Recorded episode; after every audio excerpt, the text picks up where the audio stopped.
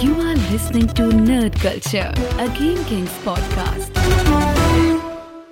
Smack bam, we zijn live. En naast mij zit niemand minder dan Jasper Boerstra. Welkom Jasper. Dankjewel. De man, de legend. ik zeg het elke week.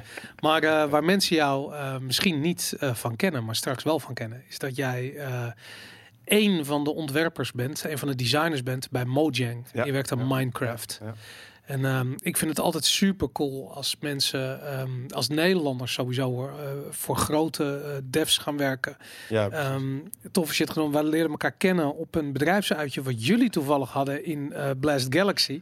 Ja. Het hadden ze iets van zweren. Er zitten gewoon Nederlanders bij Mojang. En nou, op, laten we een laten we een nerd culture doen. Dus jij was terug uit Zweden voor de kerstdagen over van familie. En nou, nu zit je hier. De rest is geschiedenis. Of gaat geschiedenis worden. ja, precies. Ik ben eh Praat, praat alsjeblieft goed in de mic. Want dat, ja. sorry. Ik ben eh gisteren geland eigenlijk. En eh, nu zit ik hier. Dus, Vertel heel even je verhaal. Hoe kom je bij Mojang terecht? Wat, wat is er gebeurd? oh, oh, dat is een lang verhaal. Maar daar zijn we voor. Dus, ehm, nou ja. Ik vond, weet je, op school... Welke school heb je ik, gedaan? zat, ik zat op Medio College in Amsterdam. Ja, En toen ehm wou ik 3D-artist worden. Ja. Maar toen met projecten vond ik 3D niet echt leuk. ja. Dus eh, toen heb ik, eh, ja, toen eh, ging ik voor iets anders te doen, wou ik pixel art doen. Ja, Ehm, vooral omdat mijn leraren zeiden, doe geen pixel art. Dus ik dacht, nou, dan ga ik pixel art doen. en terecht. En ja, dat ging goed. En toen kreeg ik een, een baantje een, bij een ja, indie studio in Utrecht. Hoe heette die? Self-Made Miracle. Oké. Ehm, was volgens mij in de, de zomervakantie van de eerste naar de tweede eh, klas. Ja. Dus eh, dat was super interessant. Ik was er zo van, ja, dit is super vet. Ik werd, eh, ik werd benaderd op Twitter door hun, door Rick van Ginkel. En ehm, Want ze hadden je werk gezien op Twitter. ja, ik, ik postte mijn Twitter. ik postte mijn art op Twitter gelijk, altijd. Dat vond ik su- super leuk om te doen. Ja, En ik kreeg zoveel reacties eruit de hele tijd. En dat motiveerde mij om meer pixel art te maken. tuurlijk. Ja. En sindsdien is het gewoon een ja, downward, downward spiral gegaan. maar maar eh, want je vertelde me dat, eh, dat Mojang je ook via Twitter heeft ja, ja, ja, benaderd. ja, mijn hele carrière is een soort van eh, gemaakt op Twitter eigenlijk. Eh, behalve één cliënt. Dat was mijn stage, stage. Die had ik via Network Lunch ontmoet. Ja. Maar ja, ehm, op Twitter... ehm, ik ehm, benaderde andere pixel artists die ik goed vond, weet je wel. En er was één, die heette Johan Aronson.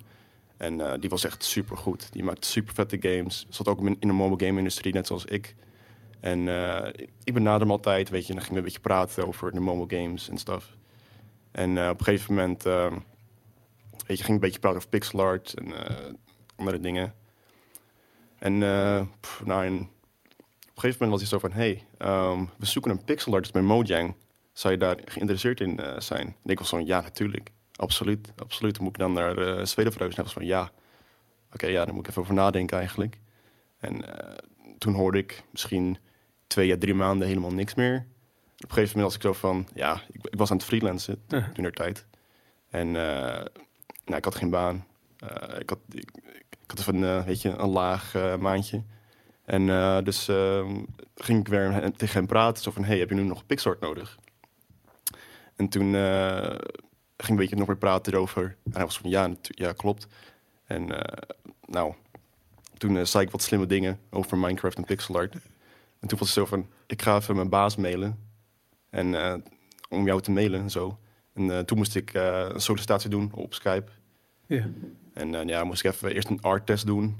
eh of te kijken of Wat is een artest? Hoe werkt het? artist. Ja, ik, ik moest een Harry Potter karakter maken in de stijl van Minecraft, maar het moest eh, hogere resolutie zijn. Dus eh, in plaats van 32 bij 32 moest het 64 bij 64 zijn ongeveer. En dan heb je het dus over letterlijk over de vakjes, de Ja, pixels. ja, de pixels en zo. En de karakter was het. Was- Ja. Ik maakte Hagrid. Eh, ja, dat was top. Ze vonden het ook leuk. En toen heb ik nog, nog een artist gedaan. En om te kijken of ik goed genoeg was en dedicated was, weet je wel. En, dus ik heb echt die artist echt in één dag gemaakt. Gewoon. Zodat ik, eh, zodat ik liet, kon laten zien dat ik echt super dedicated was. En dat ik echt wilde, toch? En het ook snel kan. En het ook snel kan, precies. Ja. Dus ja, toen uh, nou, sollicitatie op Skype. Uh, dat werkte niet zo goed, dus moesten bellen. Oké. nou, maar dat werkte heel goed en ze waren onder de indruk, want ik kon... Uh, ze vonden het tof dat ik gewoon heel jong was. dat is ook goed in een bedrijf dat je jonge mensen aanneemt en zo. Ja. En op een gegeven moment um, ja, zou ik eigenlijk daar nog een sollicitatie hebben. Maar ze zeiden, het zit wel goed, het is wel goed. Kom gewoon hier, moet, gaan een appartement voor je regelen en dan kan je aan de slag. En de eerste omdat ik nog niet wist of ik echt daarheen wilde verhuizen. Uh -huh. ging ik eerst even freelancen, zodat ik nog, omdat we niet zeker, zeker wisten of het een match was en zo. Ja. Dus ja, was ik ingehuurd als freelancer eerst, om de hele game te remasteren. Ja. Ja, niet de hele game, maar alle textures te remasteren. En uh, ja, toen was ik daar en ze vonden, ze vonden het tof. Dus na zes maanden zeiden ze zo van, hé, hey, wil je fulltime werken? En ik was, ja, natuurlijk absoluut. Ik, heb het zo, zijn, zo naar mijn zin hier. Het is een supergoed bedrijf, weet je.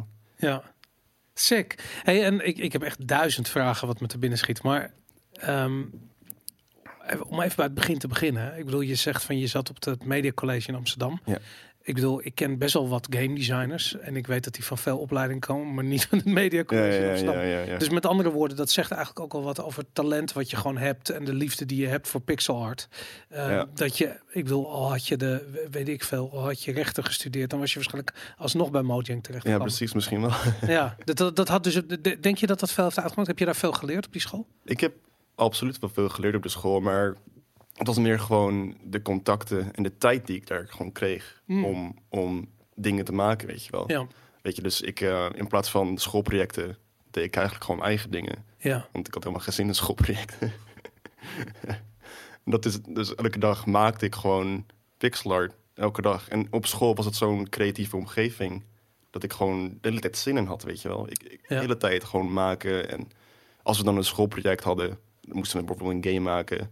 Dan probeerde ik iedereen over te halen om een pixel art game te maken de hele tijd. ja. Dat hebben we twee keer gedaan of zo. Terwijl de leraar tegen je zei van eh, Jasper, kappen nou met die Ja. pixel art. Ja. Maar weet je dat ik dat echt bizar vind?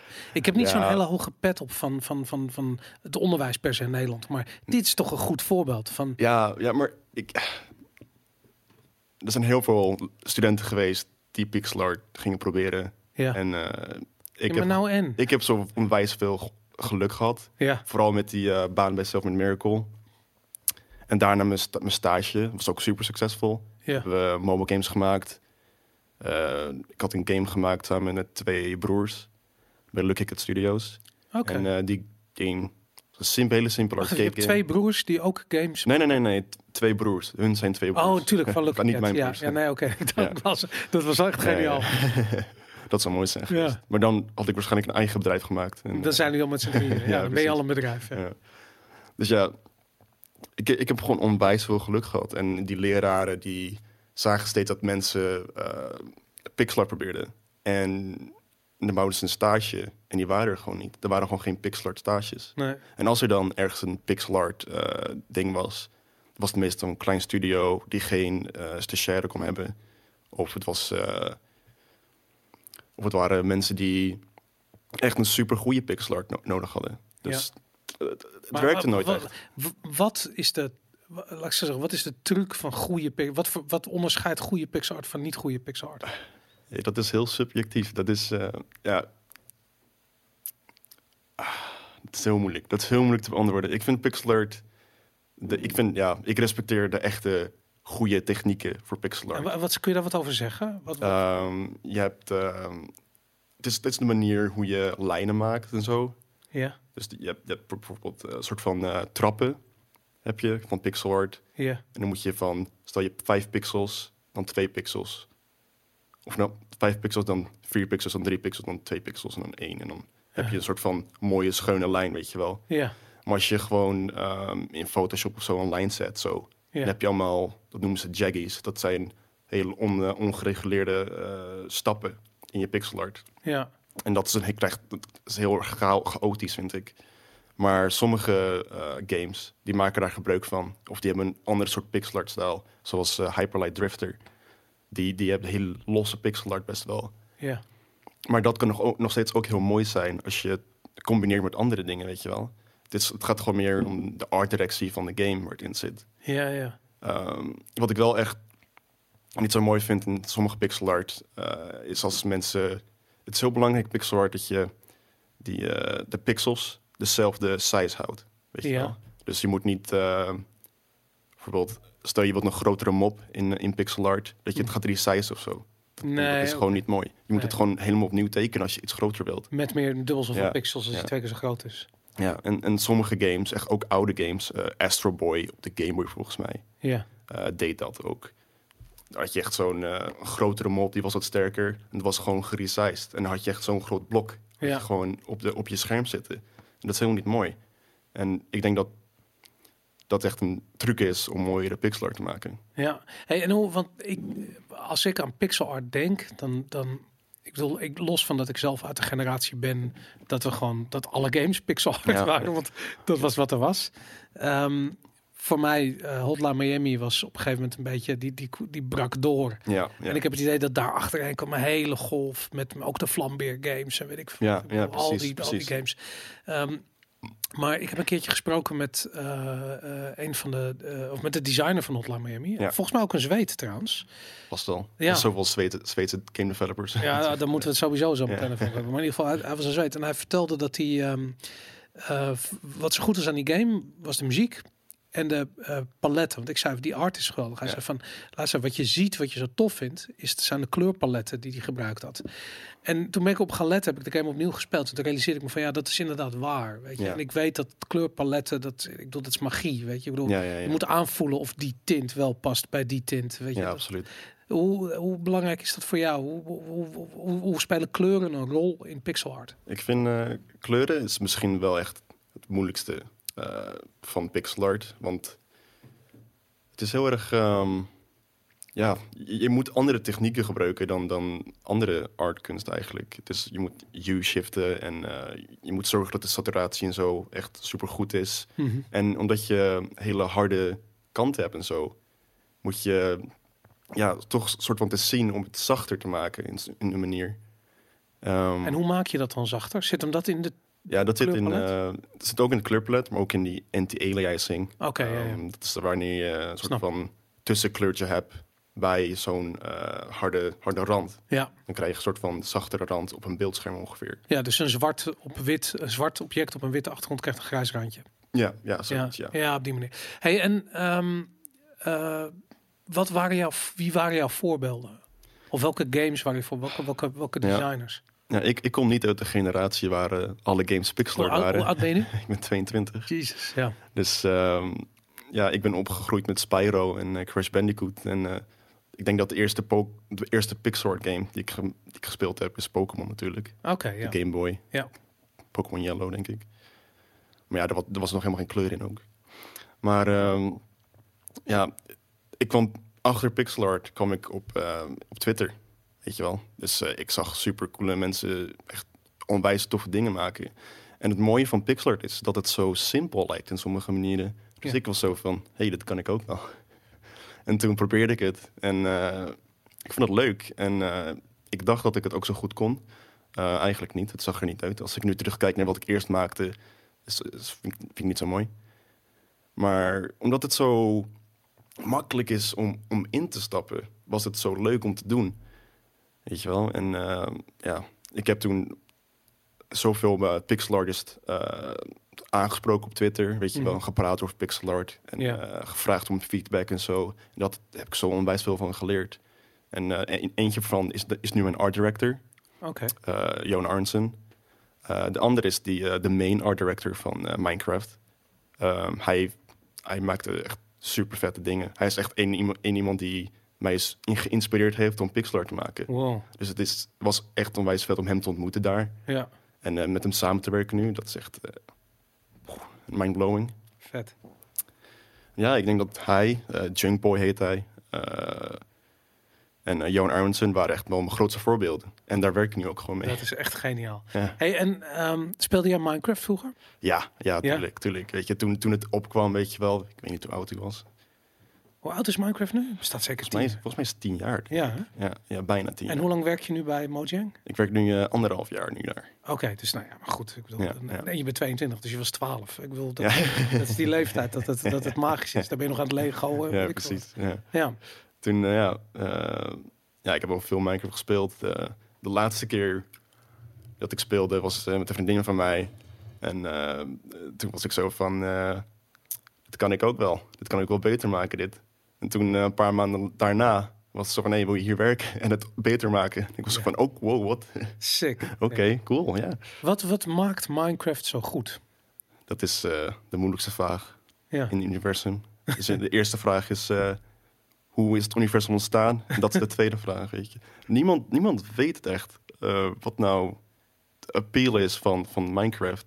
De, de filosofie erachter. Het is, het is zo'n simpele game. Het is zo, maar het is zo geniaal bedacht, weet je wel. Het is zo gewoon... Een van onze pilaren is dat je één, eh, met één klik één ding kan doen. ja. En dat, is, dat maakt het zo intuïtief en zo. Mhm. Maar ik denk dat de appeal is gewoon het hele, het hele, de hele view, het hele setje is gewoon de, de, de, de kleuren, ehm, de, de simpele dingen, ehm, de geluidjes en zo. Het, maakt, het, het is gewoon leuk al om een blok neer te zetten. Het Ja. is al zo van, oh, dit, is- dit is leuk, weet je wel. Het is zo makkelijk. Het is zo, ik denk dat dat het echt is. ja. Dat het zo simpel is. Ja, Ik, ik heb een paar dingen. En ik, ik moet je eerlijk zeggen, ik ben. Ik heb Minecraft echt ontdekt door mijn oudste zoon. Die Mhm. eh, dat echt fantastisch vindt. En al zijn vrienden Ja, ja. Iedereen vindt het logisch natuurlijk ook. Kids vinden, vinden dat tof. Ehm, maar ik zag bij hem vanaf het begin. Zag ik de voldoening die er voortkwam uit iets maken. Ja. Dus ik bedoel, sowieso, Lego is populair. Weet je, ik bedoel, Ja, dat, dat zie je gewoon bij kids. Alleen dit is een. ehm, waar Lego plaatsvindt op je tafel of in je, op, weet ik veel, op je bed of Ja. weet ik veel waar je dat bouwt. Dit vindt plaats in een hele wereld. Ja. En die wereld is van jou en die kun je gewoon helemaal controleren. ja, dat is ook heel leuk. Dat gevoel van vrijheid is insane. En ik zie hem, eh, en dat vind ik zo interessant, want dat, dat was al vanaf het eerste moment was dat de aantrekkingskracht voor die game. En vervolgens zag ik dat ehm, hij bleef leren.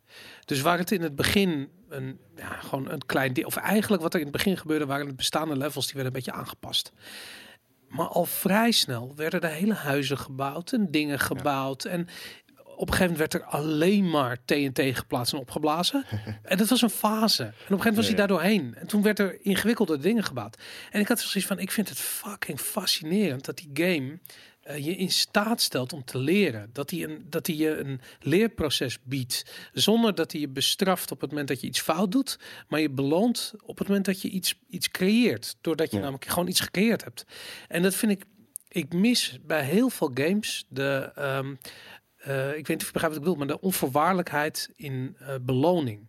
Dus waar bijvoorbeeld veel games, je bent dood. Weet je, je hebt het fout gedaan. Je Ja, bent ook, ja, weet je, ja, de, de Windows Blue Screen of Death. Weet je, dat idee van jij hebt een critical fault gemaakt. Ik bedoel, de, ik, maar ik deed niks. Weet je. Ik bedoel, dat software, dat, tegen, dat, is, dat is heel slecht. Ehm, eh, eh, eh, in Minecraft, of hetzelfde met, ook in positieve zin, met punten. Van, oh, je hebt punten gescoord, Ja. x aantal punten.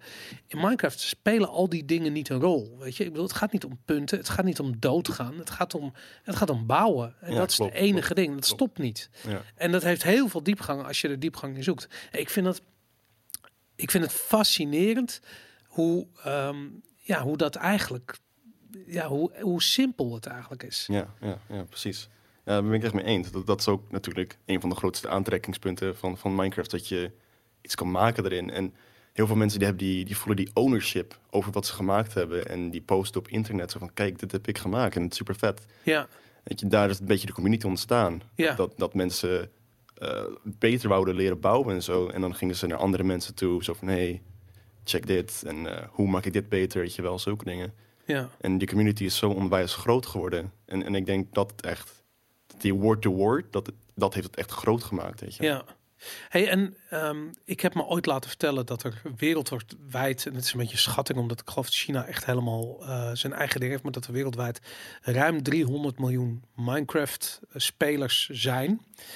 Ehm, ik had echt zoiets van, het is fucking mind-blowing, man. Ja, ja. 300 miljoen. Ja, Dat het is, is... eh, ik weet niet of ze allemaal tegelijkertijd nu nog actief zijn, maar in ieder geval Nee. hebben ze dat ooit gespeeld. Nou, Er was laatst een eh, artikel gereleased en daar eh, werd in gezegd dat er eh 91 miljoen eh, concurrente spelers maandelijks. Concurrent, ja. Ja, dus die ja. 91 miljoen mensen spelen die game nog. Ik bedoel, Ja. maar als je dan World of Warcraft neemt, wat altijd in mijn hoofd een beetje een soort van de definitie was van een succesvolle online game. Ja, precies. Jesus Christ, man. 91 Ja, ja, miljoen. Dat is, dat is, ik Nog bedoel- steeds, na 10 jaar. Ja, ik geloof dat World of Warcraft ooit op, op het aller, allerhoogste punt 16 miljoen spelers had. Ja, ja klopt. En dat, Klopt. eh ja, sick. Het is ongelooflijk. En inderdaad, na 10 jaar. En al die andere uitgevers en developers die de mogelijkheid hebben gehad om het na te maken. De, ja. de, de clones, de Robloxen, weet ik veel wat allemaal. Ja. En nog steeds eigenlijk, er is maar één Minecraft. ja, precies, precies. En eh, hopelijk blijft het zo. Eh, weet je, Fortnite is nu echt booming natuurlijk. Mhm. Maar ja, het is niet een soort hetzelfde soort game, weet je wel. En Minecraft is, heel, is niet echt gewelddadig. Dus heel veel ouders die zeggen zo van... Hé, hey, dit, dit spel is leuk, weet je Ja. wel. Nou, dat, dat heb ik ook. Ik, ik bedoel, ik praat best wel veel. Ik bedoel, natuurlijk ben ik altijd met games bezig. Maar eh, dat heeft een beetje als nadeel dat veel ouders naar me toe komen en vragen van ja, hoe moet ik met games omgaan met mijn kinderen? Ja, ja, ja. En ik heb echt zoiets van ja, weet je, in mijn ogen zijn games niet per se slecht. Nee, Ehm, ik, voor mij zijn het tools om creativiteit te stimuleren en fantasie en het spelen van je eigen spel, maar ook je eigen skills testen aan bosses. Je krijgt zelfvertrouwen daarvan. En bij Minecraft heb ik echt zoiets van, maar dat is gewoon, eh, weet je, het is, het is, een, het is een vorm van Photoshop, weet je. ik bedoel, je ja. kunt gewoon, je, je begint met een, met een lege pagina, je kunt gewoon zelf gaan creëren. En het wordt gestimuleerd. En dat, dat, vind, ik, dat vind ik vrij bijzonder, moet ja, ik zeggen. ja. En het is ook... eh, Weet je, met Lego, hè, dan moet je de hele tijd nieuwe set kopen. En soms heb je, wil je, wil je een blok en dan heb je dat blok niet. Maar Minecraft is alles gewoon in die wereld en in die game. Dus je kan gewoon Ja. hele tijd gewoon alles pakken en zo.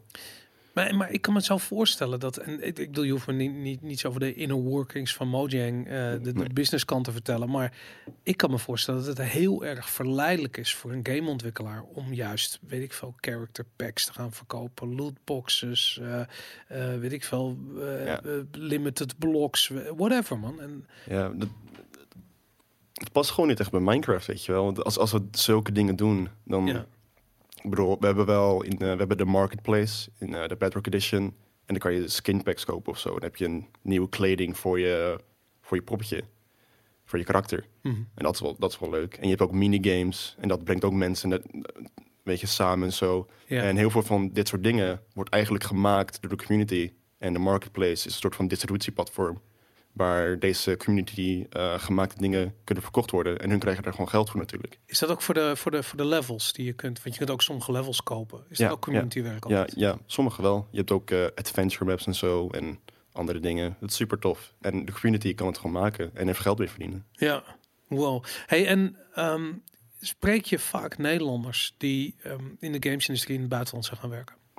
Nee, nee ja, ik, ik werk bij, bij Mojang met twee andere Nederlanders. Oké. wat, wat, wat doen die precies? Hun zijn, ehm, eentje is een developer op eh, de Minecraft team, de- Vanilla game, de Java edition. En andere die werkt aan eh, onze nieuwe titel, eh, Minecraft Dungeons. Oké. Is daar al veel over bekend? Ik moet Nee. zeggen. Nee, nee, nee. Het is even Ik een. mag niks zeggen erover. Oh, heel goed. heel goed. Er is alleen, er is alleen er is een announcement trailer geweest op die Minecon Ja. vorig jaar. Nee, dit jaar bedoel ik. Ja, dit jaar. Ja. Oké, ja, nee, natuurlijk. Het is ook eigen evenementen. Zo. Het is zo fucking huge. Ja, het is ja, fucking fantastisch. Geniaal. Hey, en eh, heb je Notch wel eens ontmoet? Nee. Nee? nee. Komt hij niet nog eens om Nee. dezelfde tijd even langs met, een, met een bier of zo? Nee, nee.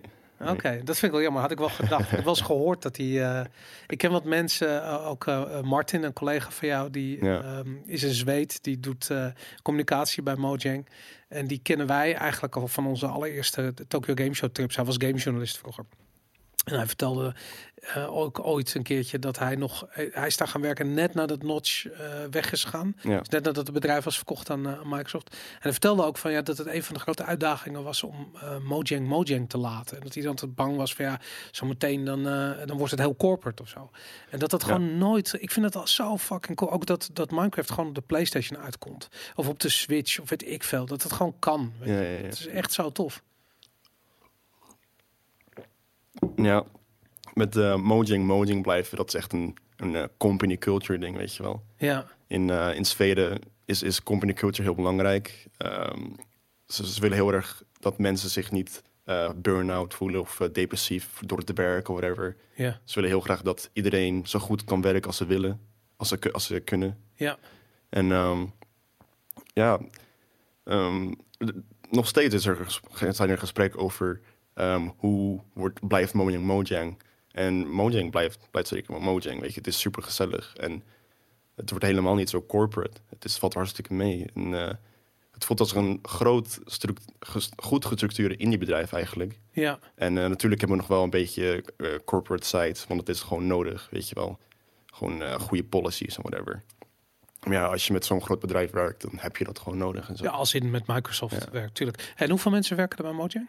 Eh, bij Mojang werken er nu 130 volgens mij. Jesus. Maar in, eh, bij de Microsoft kant, eh, die doen ook heel veel dingen. Die doen echt onwijs veel dingen. Ja, die maken al die crossplay dingen mogelijk in de Bedrock Edition en zo. oké, ja. En uh, marketing, whatever. Dat wordt niet vanuit Mojang zelf gedaan. Die hebben geen marketing communicatieafdeling. Ja, nee, ze, hebben, hebben ze wel. En die doen, die doen verschillende dingen. Ze werken samen allemaal. Ja, oké. Uh, het, is, het is gewoon belangrijk ook om hier uh, in, bij Mojang een, uh, zo'n uh, department te hebben. Maar het is ook in Microsoft zo eentje. Ja, Maar ja, um, in Microsoft werken er nu pff, geen idee hoeveel developers. Dus, ik denk, nou, denk 300 of zo. Jesus Christ. Hey, en hoe, hoe vind je het? Hoe, hoe is de game development cultuur in Zweden? Poeh, ja, ik, ik zit er niet heel diep in. Um, maar het is onwijs groot. Er zijn Ja. zoveel AAA-bedrijven en zo. Um, ik heb mensen ontmoet van uh, Fat Shark, dat is van de Vermintide, uh, EA, uh, Avalanche. uh, EA's DICE, hè? Ja, Ja. ja, DICE, ja.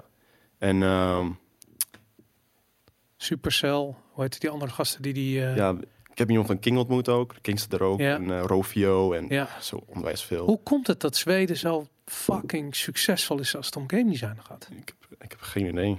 Oké. Geen idee. Er zijn heel veel. Er zijn goede scholen eigenlijk, denk ik. Ik denk dat het meeste ding is.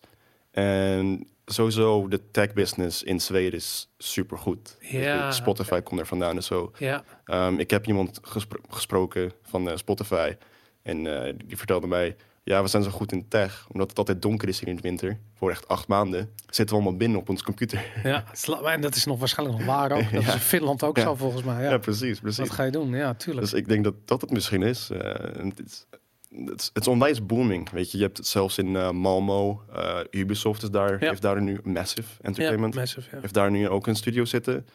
En ehm, er is één school daar in Stockholm. En die is gewoon echt wel goed. En die heeft heel veel netwerks, netwerken met al die bedrijven. ja. Dus heel veel studenten en eh, st- stagiaires die komen van die, eh, van die school af ja. om, om bij die andere bedrijven te gaan werken. En er zijn ook heel veel developers eh, in, in, in Stockholm en in Zweden. Um, en daardoor is het heel aantrekkelijk voor die bedrijven daar een, een, een ding neer te zetten, een studio neer te zetten. ja. Want ze kunnen gewoon mensen daar inhuren, zo'n beetje met de vingerknip. Hoe vind je dat in vergelijking met Nederland? Ja, Nederland, uh, ja, je hebt niet heel veel AAA-bedrijven hier. Het is uh, vooral, ja, indies e en zo. Eentje of ja. drie kwart is oh, je, hebt, je hebt Triumph Studios en ja, tuurlijk, ja. Guerrilla Games. En, dat ja, it, denk dat ik. Is, ja, it. er zijn er vast nog wel, we vergeten er vast heel veel. Maar ik, ik ben namelijk zo gefascineerd door um, wat er in Zweden is gebeurd. Wat ik weet, is dat op een gegeven moment een paar van die grote bedrijven, en Mojang is er één van, Ja. die zijn verkocht. Dus uh, Supercell is verkocht, Rovio is verkocht. Ja. Uh, uh, ik vergeet er, ja, volgens mij King inderdaad. Ja, dat was. Ja. Die doen, uh, hoe heet die? Candy Crush. Candy Crush inderdaad, ja. ja. Die is verkocht toen en, en toen daarna ook Mojang. En dat heeft miljarden opgeleverd. Ja. En die miljarden zijn weer teruggestroomd in het opstarten van nieuwe bedrijven. Ja, klopt. En klopt. Dat is iets wat in Nederland nooit gebeurd is. We hebben nooit een miljarden overname gezien in, nee, uh, in Nederland. Ik bedoel, ik weet dat uh, Mojang verkocht is voor 2,3 miljard uh, dollar. Ja. ik bedoel, dat is geld waar je tenminste nog, weet, weet ik veel, je koopt je dure appartement in Hollywood en je begint nog drie bedrijven, weet je. Ja, bedoel, je ja, hebt ja, genoeg geld. En dat probleem met dat geld, dat is in Nederland altijd gewoon killing geweest. Dus ja, al de indici die zijn aan het struggelen om, om Ja. het te redden. De, de uh, ontwikkelaars die het redden, die succes hebben, vaak één pitters of hele kleine bedrijfjes. Die maken dat ze wegkomen. Want het is ja, gewoon. Ik bedoel, misschien als je je eentje kan eh, ontwikkelen en succes hebben, fantastisch. Dan kun je dat overal op de wereld doen. Maar over het algemeen is Nederland gewoon een land waar geen eh, on- ondernemersklimaat heerst voor, voor, voor game designers. En dat vind ik zo tof dat dat in Zweden wel zo is. Terwijl het cultureel gezien ligt Zweden om de hoek. Weet je, ik bedoel, Ja, klopt. Ik denk dat in ook Zweden het gewoon aantrekkelijk voor eh, investors en zo, weet je wel. Je hebt daar waarschijnlijk een grotere kans om investors te ontmoeten. ja, En, eh, je, en je, je kan zeggen, ik kom uit Stockholm, we hebben deze bedrijf hier ook zitten en zo. Ja. En die investor is dan zo van, nou, dit, dit klinkt interessant, weet je. ja, Want dit, hier komen heel veel goede dingen uit. En eh, in Zweden is de game-industrie echt booming gewoon. ja. Er komt zoveel geld eh, binnen daar. Dus ja, het is heel aantrekkelijk voor investors die denken, die zien mooie nummers, weet je wel. Maar die investors snappen waarschijnlijk ook de gamesindustrie. Ja. Waar, waar in Nederland praat je met iemand die zijn geld heeft verdiend met import-export of met het runnen van een supermarkt. Ja, ja. En die heeft zoiets van, oh, maar je gaat een videogame maken en dat kost hoeveel, weet je? Ja, Nou, en hoe krijg ik dan mijn geld terug? dat is natuurlijk heel risicovol. Eh, alleen, ja, wanneer is het niet risicovol? Op het moment dat je op, op topniveau eh, opereert. En dat is wat er in Zweden dus aan een lopende band gebeurt. Ik bedoel, zelfs Avalanche is van een echt een hele kleine studio eh, in, wat is het, tien jaar tijd gegroeid naar gewoon een, een Ja. studio die drie eh triple-A-titels aflevert. Eh, nou goed, kun je afvragen of Just Cause wel helemaal triple-A is, maar in ieder geval... Ik denk het wel, ja. Ik vind het wel. Ja, toch wel op een bepaalde manier wel. Ja. Maar goed, dus dat, dat doen ze goed. En dat, eh nou, het is bizar. Hey, en, en hoe, ehm, eh, maar dat betekent dat je dus ook gewoon ontzettend veel ontwikkelaars hebt in Stockholm. Je woont in Ja. Stockholm toch ook? Ja, ja, ik woon in Stockholm. En we maken altijd de grap dat, dat je altijd wel, als je ergens kijkt, dan zie je altijd wel één developer die je niet kent eigenlijk. Ja. Want ik, ik, het, is, het is zo bizar, weet je. Ik zie gewoon mensen met t-shirts lopen van Avalanche en DICE. En eh, Paradox Interactive is er ook een die er Ja. zit. En het, ja, ik kan gewoon naast lopen en hey zeggen. Zo van, hé, hey, ik werk bij Mojang, wat leuk, weet je wel. Ja. En, eh, en er zijn zoveel network lunches en andere dingen. En het is gewoon, het is gewoon super nice, weet je wel. Je kan zoveel getalenteerde mensen daar ontmoeten de hele tijd. En dat maakt mijn netwerk, mijn netwerk alleen maar groter, weet je wel. Dat is super waardevol. Ja. Hey, en, en hoe, ehm, laat ik zo zeggen, binnen jouw specialisatie van pixel art, hè, ehm, merk je dat er, eh, het is op een gegeven moment een gigantische hype geweest. Ja. Weet je, we zagen zeker na Hotline Miami, toen echt, je brak je nek er bijna over. En VES, Eh, ja, natuurlijk. Vest inderdaad. Ja, zeker. Nee, dat soort games, absoluut. En ik heb het idee ergens dat, ehm eh, eh, hoe heet het, eh, Devolver Digital echt zijn, zijn, zijn carrière, of hoe noem je dat, zijn, zijn business case heeft gebouwd op pixel art games. ja, klopt. En ik dacht van ja, die, ehm, dat is een, ook weer een beetje weggeëpt. Ik heb het idee dat bepaalde games zoals Hotline Miami, de Flambeer games, zeker Minecraft, die zijn er bovenuit gestegen. Weet je, daarvan Ja, weet je gewoon van ja, dat is gewoon eh, die stijl. Ehm, maar merk je dat er nog veel vraag is naar pixel art? Ik denk het wel. Dus er is nu. Je hebt, we hebben nu echt een soort van era gehad met eh, super high quality pixel art games, weet je wel. Eh, Tower 57 is niet zo heel bekend, maar Ja. de pixel art erin is super vet. Ehm, misschien de game is niet zo goed gedaan, denk ik. Ehm en Allboy, dat is ook best wel een goede titel. Eh de Iconoclasts ehm, en Harforth Alicia moest, moet nog uitkomen, denk ik. Ja, Maar dat zijn echt super, super goede pixel art games. Like, de visuele part, de pixel art is echt on point. Het is zo mooi. ja, En, high, en best wel high res en zo. Dus ik denk, en die games doen het best wel goed. Allboy heeft het best wel goed gedaan. Iconoclast ook. Ehm, en daarna heb je nog Undertale, ook pixel art. En die, dus ja, maar ik denk niet dat games verkopen omdat ze pixel art zijn, weet je wel. Het is meer om wat de game is, weet je, de game design, eh, de, narrative, de premise, whatever. En dat het meer is. Ik denk dat er heel veel pixel art games zijn die gewoon geen, niet, niet hun doelgroep konden vinden, weet je wel. ja, Want eh, ik, ik met Self Miracle eh, hebben met, eh, was, hebben aan Panarium gewerkt. ja. En dat was een soort van circus game. En het was gepubliceerd door Team 17. Maar ja, die game heeft het ook niet zo super goed gedaan. Het was gewoon een pixel art game. En het, Het is geen gewoon- garantie voor succes. Nee, het is geen garantie voor succes. Absoluut Nee. niet, absoluut niet. Maar het is geen één stijl, denk ik. Nee, daarom inderdaad. Ja. ja, het grappige is dat ik vind het, ik, ik vind de stijl van pixel art werkt vooral goed als er een soort van contrast bestaat tussen de artstijl en de, en, en de actie. Dus en dat, dat, daarbij heb ik altijd zoiets van, ja, dat is wat bijvoorbeeld eh Hotline Miami, het was heel plat, maar Ja. het deed perfect, weet je. Want je had de meest gruwelijke kills en, en, Ja. en death en destruction in pixel art. Ja, het, het, het paste gewoon heel goed bij de game design, bij, bij de, de top-down dingen, Ja. weet je wel. En de muziek en de, de hele sfeer, alles, weet je, die, alles lokt een beetje elkaar in elkaar. Zo van, dit is allemaal perfect. Het is een soort van holy trinity, weet je wel. Ja. Heb jij toevallig de eh, PlayStation Classical in je handen gehad? Nee, nee. Ik, toeval, ik, ik was laatst naar, naar een, een, een, eh, een avond die Sony had georganiseerd om dat ding te laten zien. Ik Ja. vond, ik vond er echt geen reet aan. Maar in mijn, ehm, in mijn herinnering is GTA 1 is ehm meest schitterende pixel art game Ja. ooit. Weet Ja. je? Nou, die game zit in, eh, op, staat op die PlayStation eh, Retro. En ik, ik startte het op. En ik had echt zoiets van, het zag er niet uit. Het zag er gewoon fucking niet uit.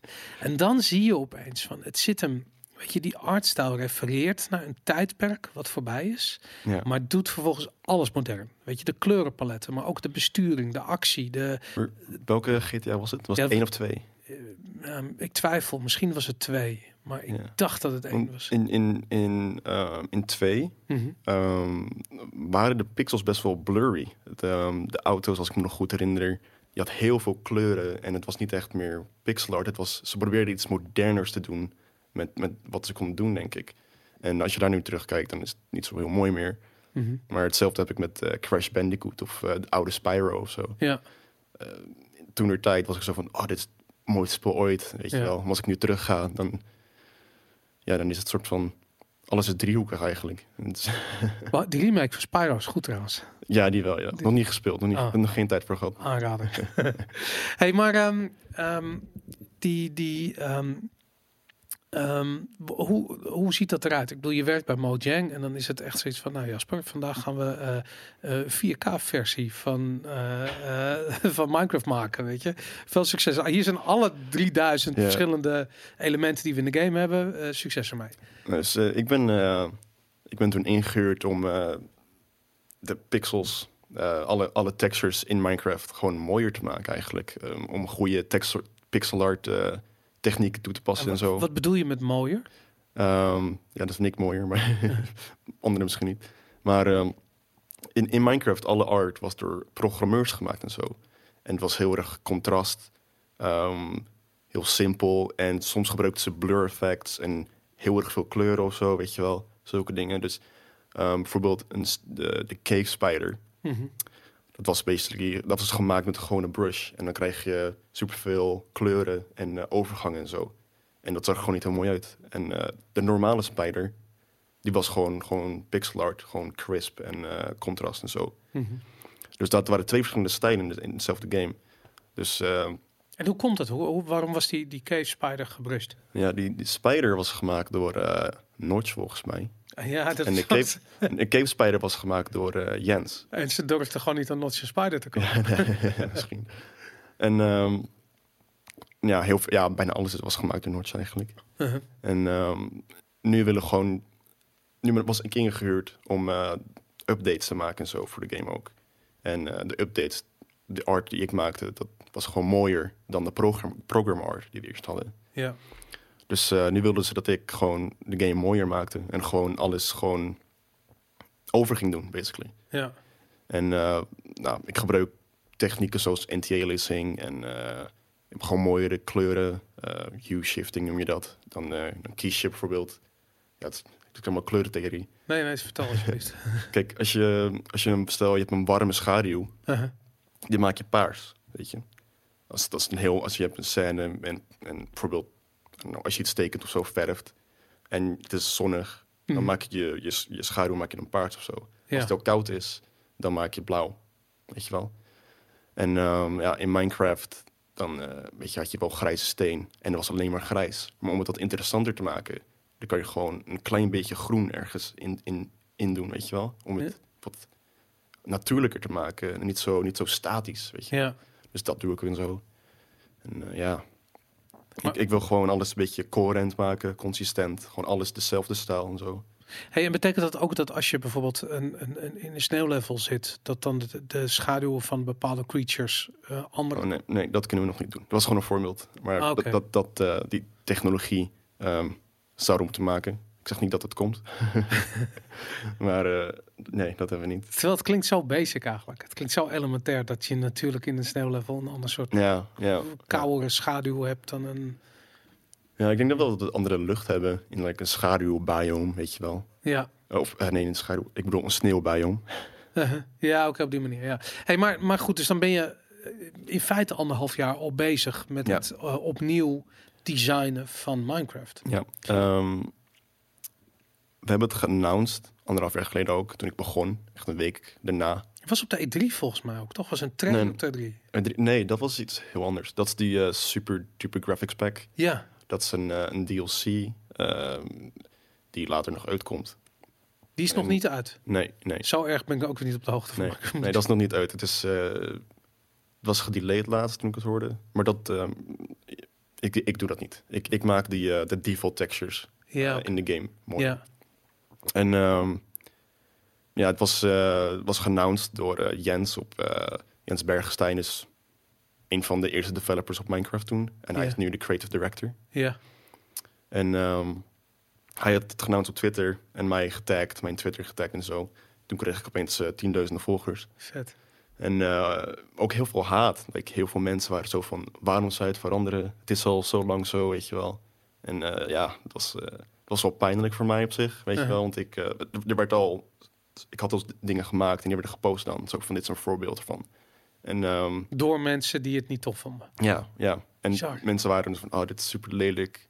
ben je 21 jaar en dan gaan mensen Ja. dat op Twitter gaan. Ja, ja, ja. Jeez. En eh, ja, ook gewoon naar mij het persoonlijke, weet je wel. Net op Twitter zo van, ah, dit zegt niet, je moet het niet doen. You're ruining Minecraft, weet je wel, zulke dingen. Jezus. En eh, ja, toen realiseerde we zo van, ja, we moeten echt close met de community werken. Weet je Ja. wel, en kijken eh, wat we moeten doen, hoe het eruit moet zien. En En hoe, is, hoe is dat precies gebeurd? Want dat vind ik echt heel interessant, hoe dat met die community Ja, eh, werkt. Wat, wat, wat, wat, wat, je bedoel, ben jij eh, ben naar Mojang gestapt, je baas gestapt, heb je gezegd van luister, dit, dit gebeurt er online. Wat doen we hiermee? nou, nou het, was, het, het kwam best wel natuurlijk zo van, oh ja, we moeten best wel met de community werken of zo. Weet je, dat is een beetje wat Minecraft altijd gedaan heeft. We hebben zoveel community input gehad, weet je. Zoveel futures zijn bedacht door eh, community mensen Mm. en zo. En ook, ehm pardon. Ehm, ook heel veel dingen, eh, zelfs textures, zijn Mm. gemaakt door eh, community mensen. De, de zombie pigment texture was toen, toen gemaakt door iemand uit de, de, hoe heet het, uit de community. Toen Mojang nog niet zo groot was eigenlijk. Maar ja, dus eh, toen kwam we op de conclusie, we moeten naar de community luisteren. En dat wordt gewoon onwijs leuk. Ja. Dus eh, toen begon ik gewoon eh, te posten.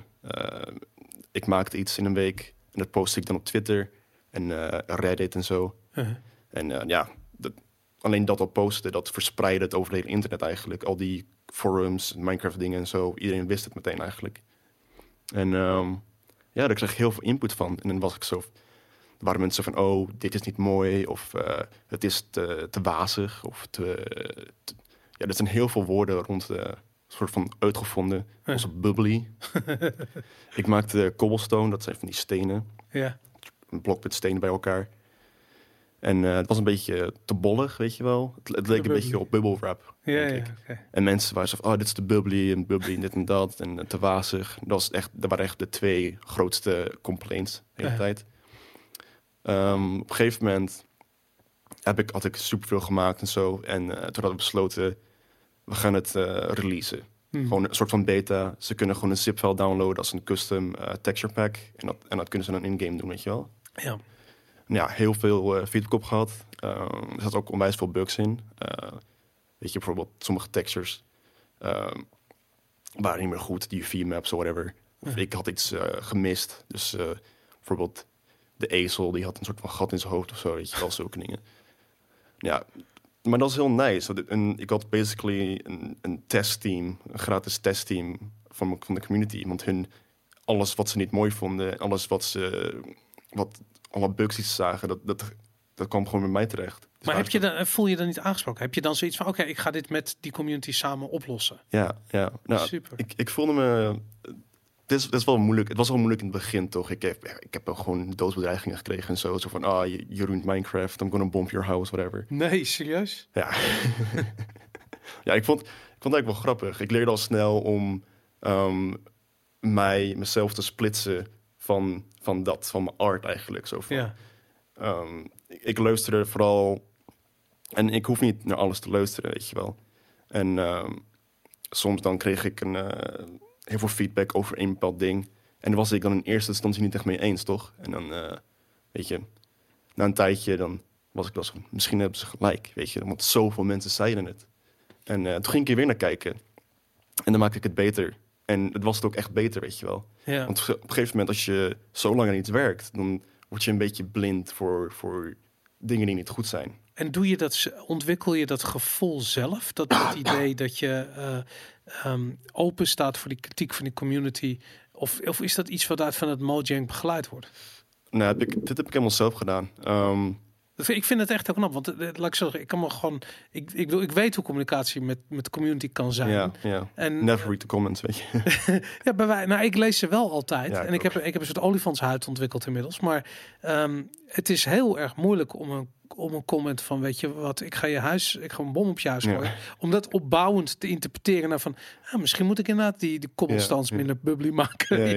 Dat, dat ligt nogal ver uit elkaar. Ja, dus ja, ik heb, ik weet niet, ik heb gewoon ook een olifantshuis gecreëerd, denk ik. Ehm, maar het kwam ook vooral omdat mijn collega's super supportive waren, weet je wel. Die kwamen naar me toe en zo van, hé, hey, wat jij op Twitter doet de hele tijd, dat vind ik eigenlijk knap. Dat zou ik echt niet kunnen. Ja. Want eh, ja, die reacties zijn echt niet leuk de hele tijd, weet je wel. Want het is wel jouw werk. Het is zo Ja. persoonlijk eigenlijk, dat werk wat ik doe nu. En ehm, maar ja, ik denk, ik heb gewoon geluisterd naar de community de hele tijd, heel veel. En op een gegeven moment, ehm het was de versie 2, eh, versie texture, texture Pack 2, de beta.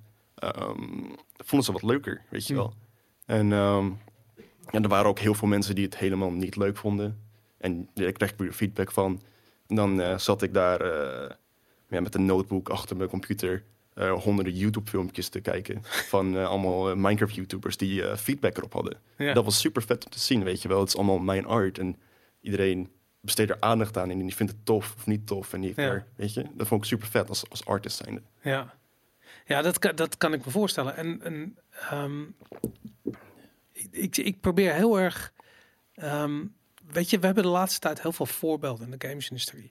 Ehm ik bedoel, DICE, als we het over Zweedse bedrijven hebben, is een goed voorbeeld. Die gewoon zegt over alle feedback of alle gezeik wat er op Battlefield 5 kwam. Ja, Dat ze gewoon zeiden van, dan speel je de game toch niet? ja, ja. Nou, het, het, ik bedoel, kun je je voorstellen wat, jij, wat er was gebeurd als jij had gezegd tegen de community, dan speel je Minecraft toch niet? ja. Ik bedoel, dat was gewoon, dan was die bom echt gekomen, weet je? En dat, ja, precies. dat, nou, maar ik bedoel dat, dat ik vind dat namelijk ook heel fout als ontwikkelaars dat doen, omdat je- als je die community niet weet te betrekken bij je project, Ja, ja, voor wie doe je het dan wel? Weet je, dat is heel erg moeilijk. ja. Al snap ik hoe moeilijk het is om die, om dat kritiek te, te moeten Ja. ervaren de hele tijd. ja. Is dat, hoe zie jij dat? Is dat, is dat ik bedoel, ik, zie je andere bedrijven dit goed doen? Nou, ja, ik weet het niet echt. Ik ben, ik ben dus zo in de Minecraft-wereld. Ik, eh, ik kijk dan niet meer naar, naar heel veel game nieuws, weet je wel. Ik, ik weet wel over Battlefield. Ik vond het best wel eh, goed eigenlijk, van te- om eerlijk te zijn. Niet. Stop de podcast. Stop de Nee, maar Battlefield, het hoeft, er niet, het hoeft niet per se historisch accuraat te zijn, vind ik. Want het is gewoon een game, weet je wel. En als je het historisch accuraat wil maken, dan moet je het ook super realistisch maken, weet je wel. Dan moet je ook gewoon in één kogel dood zijn, bijvoorbeeld. Mhm. Maar ja, dat terzijde. Hardcore mode in Battlefield 4, die was heel goed. Dat is wel beter, dat is wel beter. Dat, dat- dat was wel beter, ja. Nou goed, oké. Maar weet je, ik wil daar, daar, we, daar kunnen we over discussiëren. Maar ik vind het juist eh, zo interessant, de projecten die erin slagen, om een community, niet eenmalig, maar Ja, weet ik het, tien jaar lang te binden aan zo'n project. ja, Ik bedoel, dat is nogal wat, weet je. Dat betekent ook dat die communicatie al die tijd al goed moet gaan. En ik snap dat in de tijd dat Notch daar eh, de scepter zwaaide, dat hij het gewoon voor het zeggen had. ja. En dat hij dat waarschijnlijk goed heeft gedaan. Neem ik aan, anders Ja. was de game nooit zo groot geweest. Eh, maar wat ik helemaal knap vind, dat in een tijd waarin Microsoft eh, Mojang overnam, dat gebleven is. Weet je, dat dat, dat het community. Terwijl ik zeker weet dat Microsoft heel belangrijk vindt om goed met de community te communiceren. Zelf kunnen ze dat niet. Maar ehm, dat, dat Mojang dat wel kan, dat het herkend wordt en dat dat met rust gelaten wordt, zodat het kan blijven. Dat, dat vind ik heel knap. Weet je, dat Ja. vind ik bijna on-Microsoft zelfs. Ik bedoel, dat, dat is hoe Microsoft ooit de Xbox nou, gekild, wil ik niet zeggen, maar gewoon geweld heeft aangedaan. Dat, ehm, Ja, ik denk dat het echt eh, e- één punt is voor Mojang, wat, wat Mojang Mojang maakt, is dat ehm, mensen die, die praten niet tegen een bedrijf. Ze praten tegen de developers zelf, weet je Ja. wel. Het is zo makkelijk ook. En, en deze developers, die zijn zo passievol en die vinden het gewoon leuk om met, met de community in te interacten en zo. Mhm. hoeveel, hoeveel uren in de week ben je, denk je, bezig met, met, met community communiceren? Eh, te lang. weet je, na werk ehm, ga ik ook gewoon op mijn Twitter en inter, doe ik interacties met, me, met de community en zo. Uh-huh. En dat is super vet. En, ehm, maar ja, even terug te komen op de, de texture packs en zo. Is dat ehm, na heel veel haat en eh, na, weet je, weet je, mensen houden niet van verandering. En nu gaan we de hele game veranderen. Ja. En, en dat, dat is wel schokkend. Na tien jaar, weet je wel. Mensen zijn echt zo, wow, what the hell. Like, Ja. dit is super groot eigenlijk. Mijn game die ik gewoon fulltime speel, basically, die Ja. wordt nu veranderd naar iets anders. Uh-huh. En heel veel mensen die waren bang dat hun, eh, hun creaties ehm, niet meer hetzelfde eruit zou, zou, zou- zouden zien.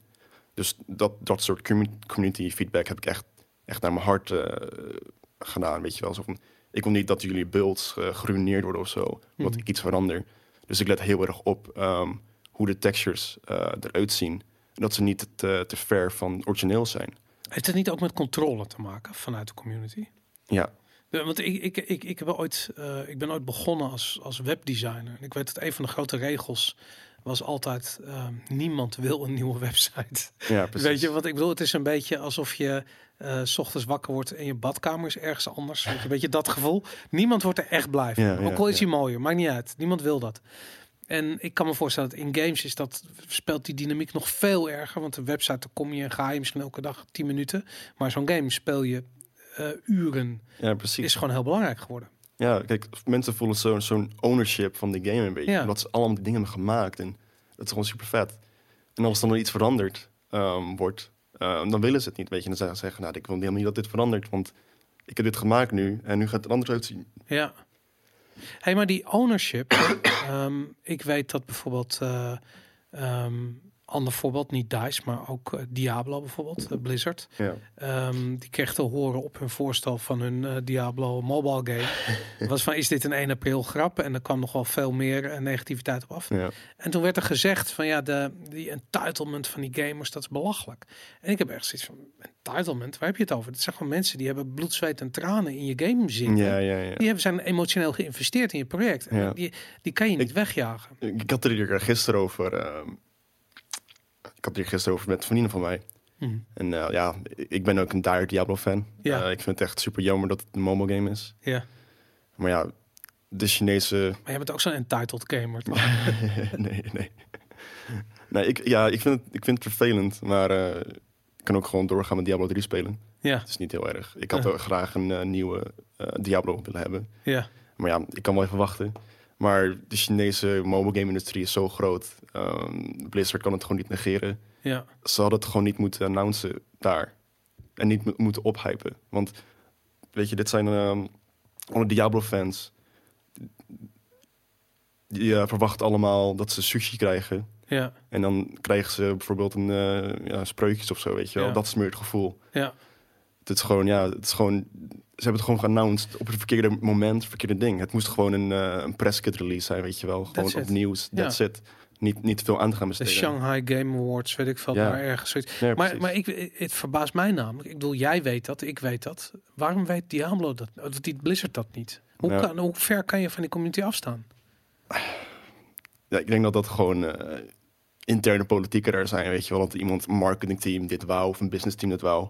Ja, Ehm, die developers zelf van Diablo, die wou het waarschijnlijk niet daar releasen, weet je wel. dat is ook duidelijk geworden Ja. na afloop. Ja. Ik denk dat ehm, dit, deze eh, Diablo game wordt ook eh, ergens anders gemaakt. Ja. En eh, er zijn nu ook rumors, dat, geruchten, dat een Diablo 4 wordt gemaakt nu, Ja. momenteel. En dat weten wij nog niet. Dat weten hun wel. Dus misschien is het voor hun is het andere, andere ervaring erin, weet je wel. Ja, nou dat lijkt me ontzettend frustrerend. Dat je weet dat je werkt aan iets wat, waarvan je weet dat gaat de community heel tof vinden. Ja. Vervolgens wordt eigenlijk alle energie uit het project geslurpt door die stomme eh, mobile aankondiging.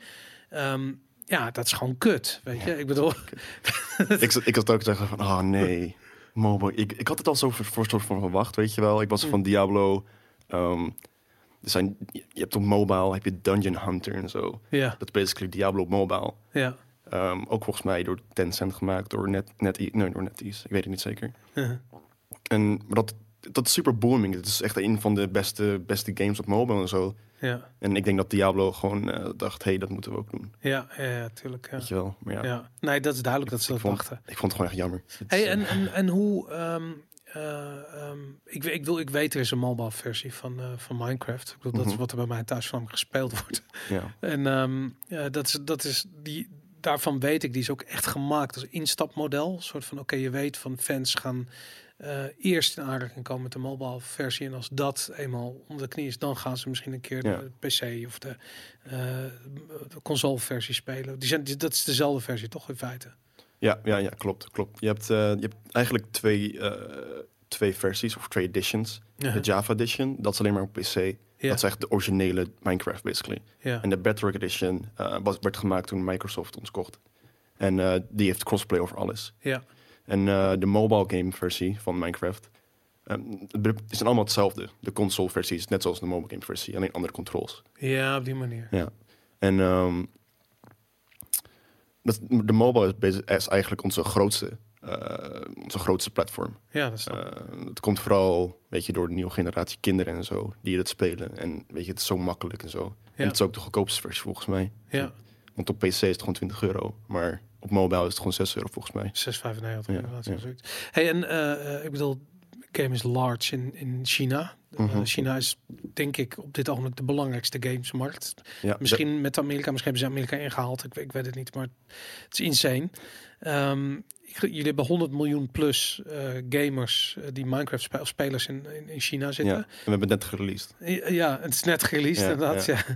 Hoe, je zegt al zelf, je bent heel persoonlijk in je reacties op, op de content en op de feedback die via Twitter komt. Hoe doe je dat met Chinezen? En hoe doe je dat in China? Niet.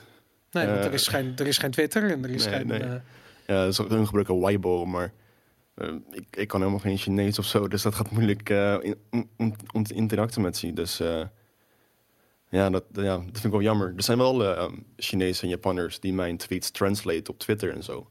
Dat is wel tof. Dus eh, ik denk wel dat via dat ehm, en via mijn tweets alsnog ehm, dat soort dingen naar de communities gaan, hopelijk. ja. Ehm, ik zou het niet weten eigenlijk, om eerlijk te zijn. maar je kunt natuurlijk vrij makkelijk ook in Twitter gewoon een tweet vertalen. Ja, ja, En ja, dat, dan ja. krijg je wel een idee wat ze ongeveer bedoelen. Dat ze niet letterlijk zeggen, er komt een bom op je huis. dat komt praktisch uit China.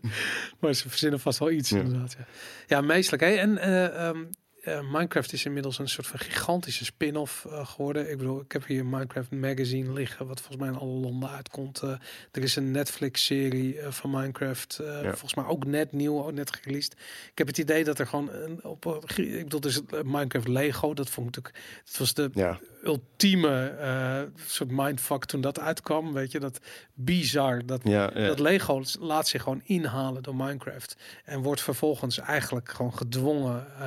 Eh, en ze zien er zelf ook de grap van in. Of een soort, Ja, Lego is, Lego is super vet alsnog, weet je wel. Je hebt, Lego is echt zo perfect, weet je wel. Ja. Het is altijd leuk. Het is leuk voor el- elke leeftijden. En Minecraft past er gewoon zo goed bij. maar het is, het is, ik zweer het je, dat het is, het is natuurlijk gewoon digitale Lego geworden. Ja, ja, ja. En dat vind ik gewoon, als je die Lego Minecraft sets ziet, dan is het ook gewoon ehm, eh, eigenlijk iets wat je zou kunnen bouwen met de Lego stukjes die in die grote bak met Lego hebt zitten. ja, ja, Weet je, er is niet een eh, soort van kant-en-klaar ruimteschip of weet ik veel wat. Nee. Nee. het zijn gewoon van die soort van rechthoekige eh, eh, objecten allemaal. Dat, ja. ja, dat is geniaal. Dat, ja, absoluut. absoluut. ja. Hey, en ehm, eh, ik, ik- ik ben heel erg benieuwd hoe je. ehm, ik, ik heb altijd het idee dat Minecraft een beetje in zijn eigen, eh, het is een eigen niche. Het is een gigantische niche. Ja, absoluut. Ehm, maar het is toch zijn eigen wereld. Het lijkt wel alsof daar wetten gelden die, die, die niet voor de rest van de gamesindustrie gelden. Ik bedoel, als er een crisis optreedt, dan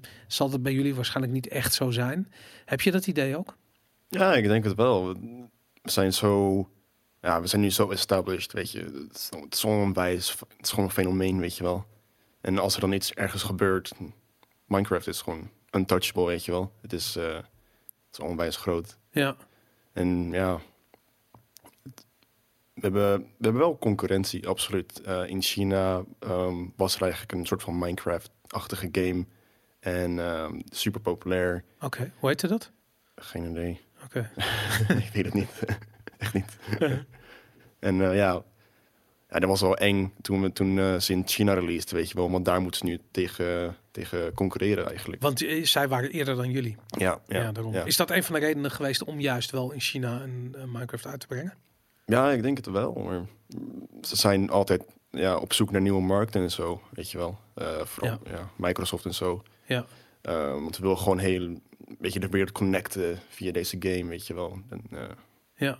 ze build a better world, build a better community, dat soort slogans hebben we en zo. Ja, nou, dat snap ik inderdaad wel. Hey, en ehm, ehm, ik weet dat bijvoorbeeld Roblox een eh, eh, eh, totaal ander soort game hoor, maar, maar ik merk van ja, die zitten ook op die dat, gewoon de doelgroep van kinderen, kids ja, online. Ja, ja. En ehm, ik weet dat dat heel erg nee, hun hun hun sales argument was altijd van je leert programmeren. Je kunt daar je kunt daar weet ik wat, een soort omgeving waarin je ook kunt leren. En ik merk dat dat argument heel interessant is voor ouders. Weet je, als je kunt leren Ja. in die game, dan is het niet game, nee, dan is het verantwoord en dan mag je het spelen. En eh, nu we ehm, ja, eh, magazines en series op Netflix en Lego en weet ik veel wat voor spin-offs allemaal krijgen te zien, is, is educatie niet ook een voor de hand liggende stap om voor het Minecraft-universum te gaan zetten? Dat, eh, dat hebben we al. We hebben, Oh, ja? eh, we hebben een Minecraft Education Edition. Ehm, dit was eigenlijk een, eh, een bedrijf die dat zelf deed ooit. Eh, Ja. Die maakt een soort van mod voor Minecraft. Die heeft Microsoft toen gekocht, want ze zagen er heel veel potentie in. En ehm, ja, dat is nu best wel populair. Het wordt gebruikt in scholen en zo. oké. Wat Ehm, kun je daarmee dan? Ik, eh, ik, ik, heb, ik heb nog nooit gespeeld eigenlijk. Eh, ik hoef niet meer te leren. Maar moet je daar niet de, de, de wat ik neem aan dat Ja, het ook het- gewoon jouw models zijn die daar worden. Ja, ja het, heeft, eh, het is gewoon dezelfde in de Bedrock engine eh, van, van Bedrock Edition en zo. Maar ze, hebben- ze hebben ook gewoon aparte sprites om wat dingen uit te leggen, zoals chemie en zo hebben ze daar. Ja, Ehm, maar ja, ik, ik hoef daar niet aan te werken. Het is, het is een hele Microsoft project. We hebben Ja. er geen, niet echt een connectie mee of zo. Mhm. Dus ja, maar ja, het is wel een heel cool initiatief. Eh, ik hoor wat, vaak wel wat dingen over, weet je wel, het nieuws. Zo van, ah, ehm, ja, het wordt gewoon gebruikt in scholen en er zijn speciale leraren ervoor die daar zich in specialiseren. En die gaan dan naar een school en die vertellen dan over tegen leraren, weet je wel. ja. Die leraren pikken dan op en het werkt echt. En Die, die kinderen, ik heb er video's over gezien. Die kinderen die, die kennen Minecraft al. ja. En dan kunnen ze in die, in dat, dat die, eh, En wat leren ze? Leren ze programmeren? Of is het... Nou, ze leren gewoon chemie en eh, andere dingen. Ook programmeren. Je hebt ook eh, ja, heel, heel basic programmeren. Me- meestal de logica ervan, weet je wel. Ja, Dus, eh, je hebt in gewone Minecraft heb je ook redstone en zo. En dat is ook ja, logica van programmeren eigenlijk. omdat het bepaalde acties uitvoert in Ja, combinatie ja, met moet- andere... ja, je moet allemaal dingen neerzetten. En als je dan deze knop indrukt, dan gebeurt dat. Als je dan iets, iets complexer wil, weet je wel, dan moet je dit doen, weet je wel. Ja, ja. En eh, ja, mensen hebben ook gewoon eh, ja, computers en rekenmachines gemaakt in Minecraft en zo. Ja, super sick. Ja. Grappig. Ik heb, het zo, ik heb het nooit zo bekeken, maar Ja. inderdaad, ja, dat is wel ja, oorzaak-gevolg in constructies. Hey, en als je, ehm, als je kijkt naar wat er in Nederland gebeurt, hè, ik bedoel, je, je werkt nu in een van de meest succesvolle game-markten Ja. ter wereld, in ieder geval van de development kant. In Nederland zitten we, eerlijk gezegd, het is een beetje mijn mening, maar ik vind dat de game design in Nederland best wel een crisis zit. Ehm, ik heb het idee dat er op een gegeven moment heel veel talent van de opleiding afkwam. En dat die mensen allemaal een soort van of naar het buitenland verdwenen gewoon. Ja. Of ehm, ja, websites ging maken. Want Ja. ja, dat is, je moet ergens van geld mee verdienen. Ehm, hoe, hoe kijk jij daarnaar? Heb je zoiets van de, de, de valt hier in Nederland wel wat te doen? Wat zou je de opleidingen mee willen geven?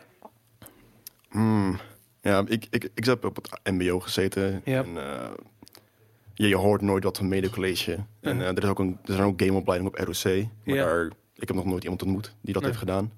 Eh, dat is dan best wel een raar teken. Dat, dat ik nooit iemand ontmoet heb die daar. Maar die mensen krijgen geen werk. Ik bedoel, je krijgt Nee, toch geen werk nee. als je hier van de HQ afkomt. Weet je, laat staan. Ja, ja, precies. Het is zo moeilijk. En Ik denk dat ehm, ik zat in een klas met ongeveer 30 artiesten en programmeurs. Mhm. Ehm, denk dat drie, drie van, inclusief ik, hebben, hebben vanaf de MBO gewoon een baan gekregen.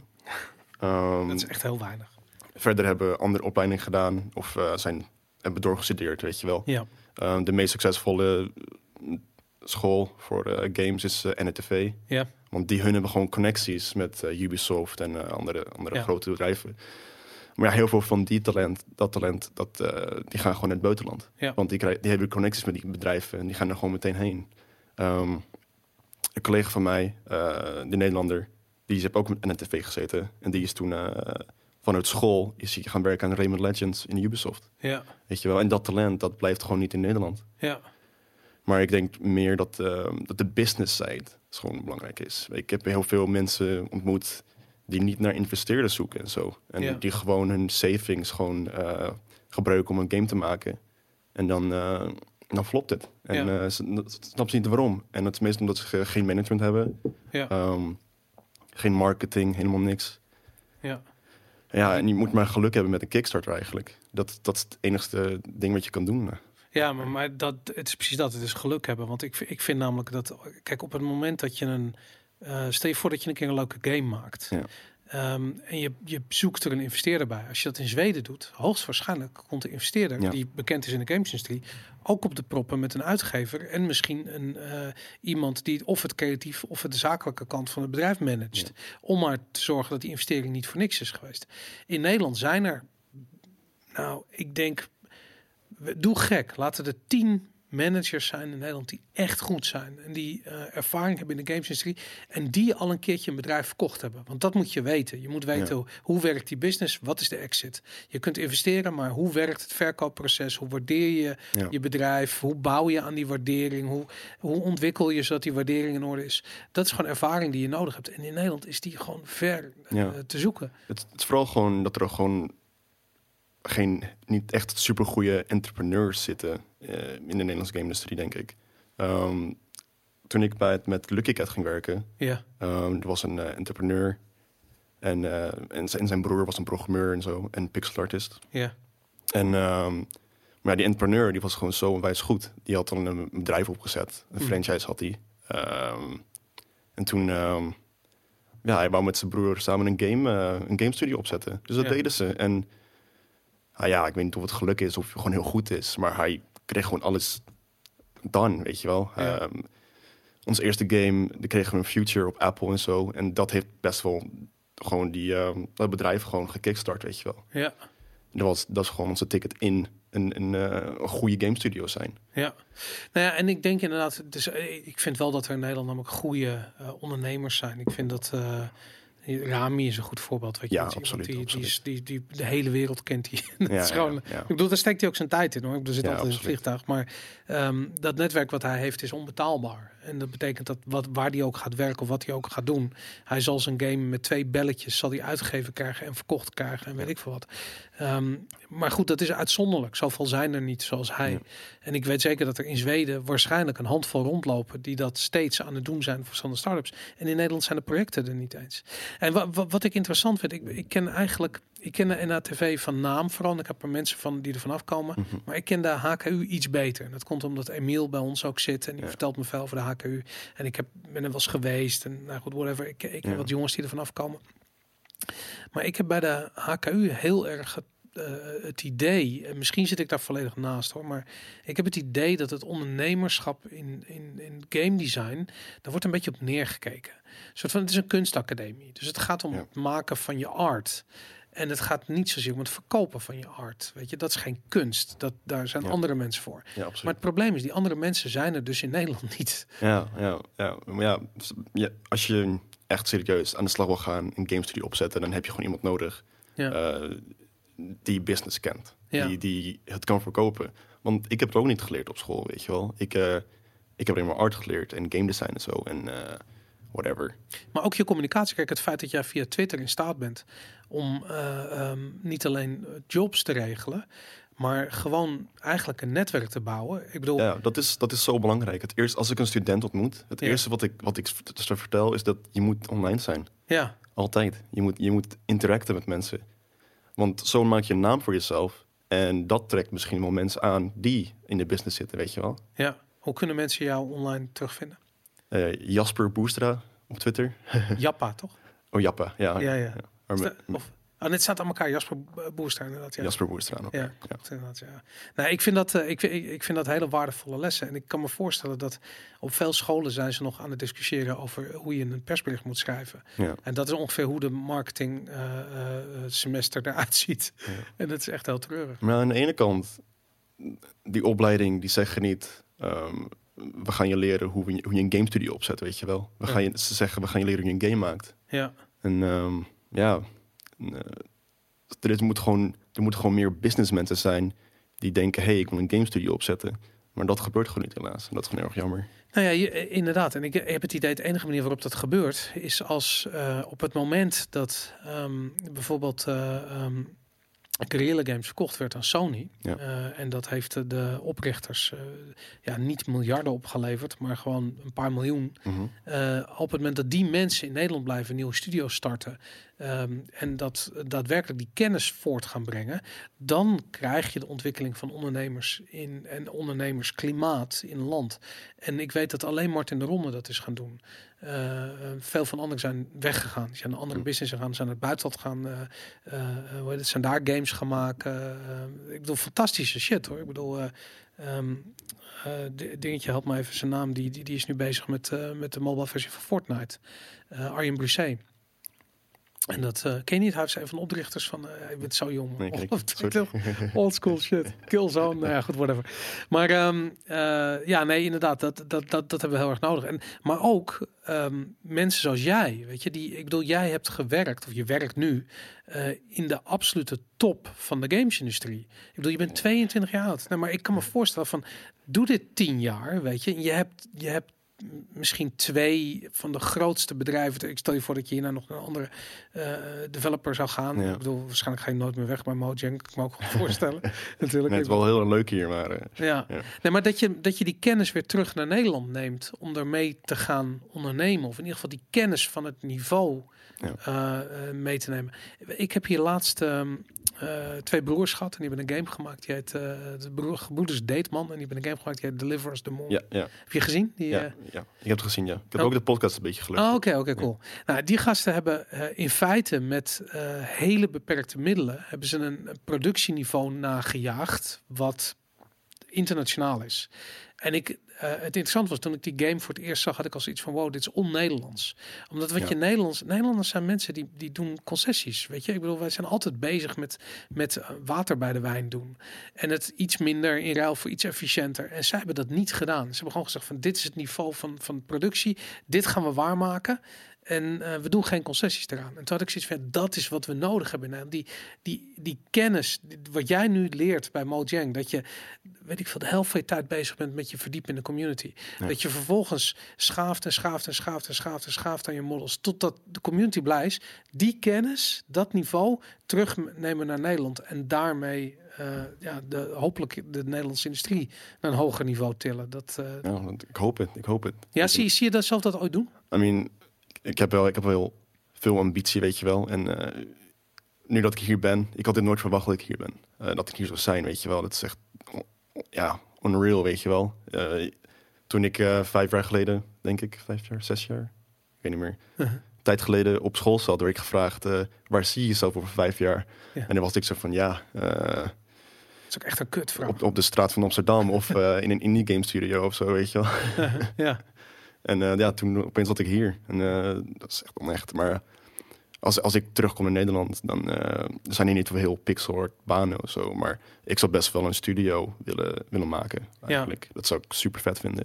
Ja, nou, hopelijk neem je wat van die, van die, van die, van die business Ja. development guys mee. En mijn collega's. En mijn collega's. collega's ook allemaal mee. Gewoon een hele studio mee. Ja. Geniaal, man. Nou, ik werk met zulke goede collega's, joh. Het is echt on- onwijs vet. Die hebben zoveel ervaring. Uh-huh. Zijn ook eh, dubbel mijn leeftijd. Dus, Ja, en eh, ja, dat, dat gewoon even super vet om met hun te werken. En ik krijg al hun, al hun kennis, die krijg ik ook de hele tijd, weet je wel. ja. En eh, ja, ik heb gewoon, ik denk dat ik gewoon goed perspectief heb nu. eh, van, van, van game design of een bedrijf of whatever. En eh, ja, ik, ik ga nog wel lang, lang hier blijven. Ehm, ja, en dan eh, hoop ik dat ik ooit terugkom naar Nederland. Want eh dat is mijn land, weet je. Het is een mooi, Ja? mooi land. Ja, hoe is Zweden? Hoe is dat? Ik bedoel, je moet toch. eh, soort van- ik, iedereen die Ja. ik ken die in Zweden woont, die gaat elke winter gaan ze naar Thailand of zo. ja, ja, nou, elke zomer gaan ze. Dat is nog het rare. Uh, Eh, maar ja, in de winter is het ja, acht maanden lang gewoon koud en donker. En sneeuw overal. En ja, maar het is, wel, het is ook een mooie land. Ik, ben, ik vind Zweden onwijs vet. Eh, ik vind het super leuk om te wonen. Dus daarom blijf ik er nog even. ja, nou, dat snap ik inderdaad. Hey Jasper, ik, ik, ik vind het super cool wat je doet. Ik ben, ja. Ja. Ik, ja, ik ben echt fan van je werk. Ik vind het echt Dankjewel. cool. Ik ga er ook met een andere manier naar kijken. eh, nadat ik hier te gast heb gehad Ja. en gehoord heb hoe, hoe je verhaal in elkaar zit. Ehm, ik, is er nog iets wat we, wat, wat we niet besproken hebben? Ik zie al die tattoos. Ik had, ik had al net had ik al iets van waar is, waar is die Minecraft tattoo? Waar is die? Nee, nee, dat ga ik niet doen. Dat ga ik niet doen. Nee, nee, nee, nee, nee, nee. Oh. Misschien op mijn been, weet je wel. Dan ziet niemand het. Ja, daarom. Ja. Nee, maar ehm, ik wil nog even over hebben dat eh, mensen zijn nu wel super blij met wat ik doe. Eh, Ja. Je krijgt geen doodsbedreigingen meer. Oh, vet. Ehm, en heel veel mensen die zijn zo van, zijn super positief. Die zijn zo van, oh, weet je, dit, al deze dingen wat je maakt is super vet, weet je wel. En eh, ik krijg nu zoveel support nu, dat ik zoveel naar de community heb geluisterd. En we zijn nu bezig met eh, de vierde versie van de texture pack of zo. Ik heb eh, misschien honderden, ja, sommige blokken, zoals Cobblestone, heb ik echt honderden versies van gemaakt en zo. Dat is echt on- onwijs. En ja, nu zijn ze echt super, super blij met alles. En dat vind ik echt super nice. En hopelijk de volgende update, ja, ehm, daar wordt het, word- worden ze misschien gereleased in. de cobblestones. Nee, nee, nee, alle textures. Oh, Alle alles, textures. Alle textures. cool, dan- ja. Ik ga serieus, ik ga straks ga ik de cobblestones Ja. bekijken en dan Ja. ben ik heel benieuwd hoe dat. Ehm, volgens mij is eh, nu ehm, mijn textures ook gereleased in de marketplace op Bedrock. ja, Dus dat kan je ook op je mobiel spelen. vet. Cool man. Maar ik Ik, weet niet zeker. Dus eh, ik ga het checken. Het, eh, Ja. Ik stuur wel een screenshot. is goed, is goed. Hey Jasper, dankjewel voor je komst. Ik vond het super Ja. cool. Ik vond het ook super vet. Eh, ik heb GameKings gekeken toen ik ja, tien jaar was of zo, twaalf. Dat is tien jaar geleden. Zeker. En ik vind het super vet om hier te zijn. Ja, En nu creëer je de industrie. Ja, super man. Nou, Ja. doe de groeten op kantoor bij die ja gasten zal ik doen. Zal ik doen. En geniet van je vakantie nog even. Ja, dankjewel. Thanks. Dit was, eh, dit was Nerd Culture.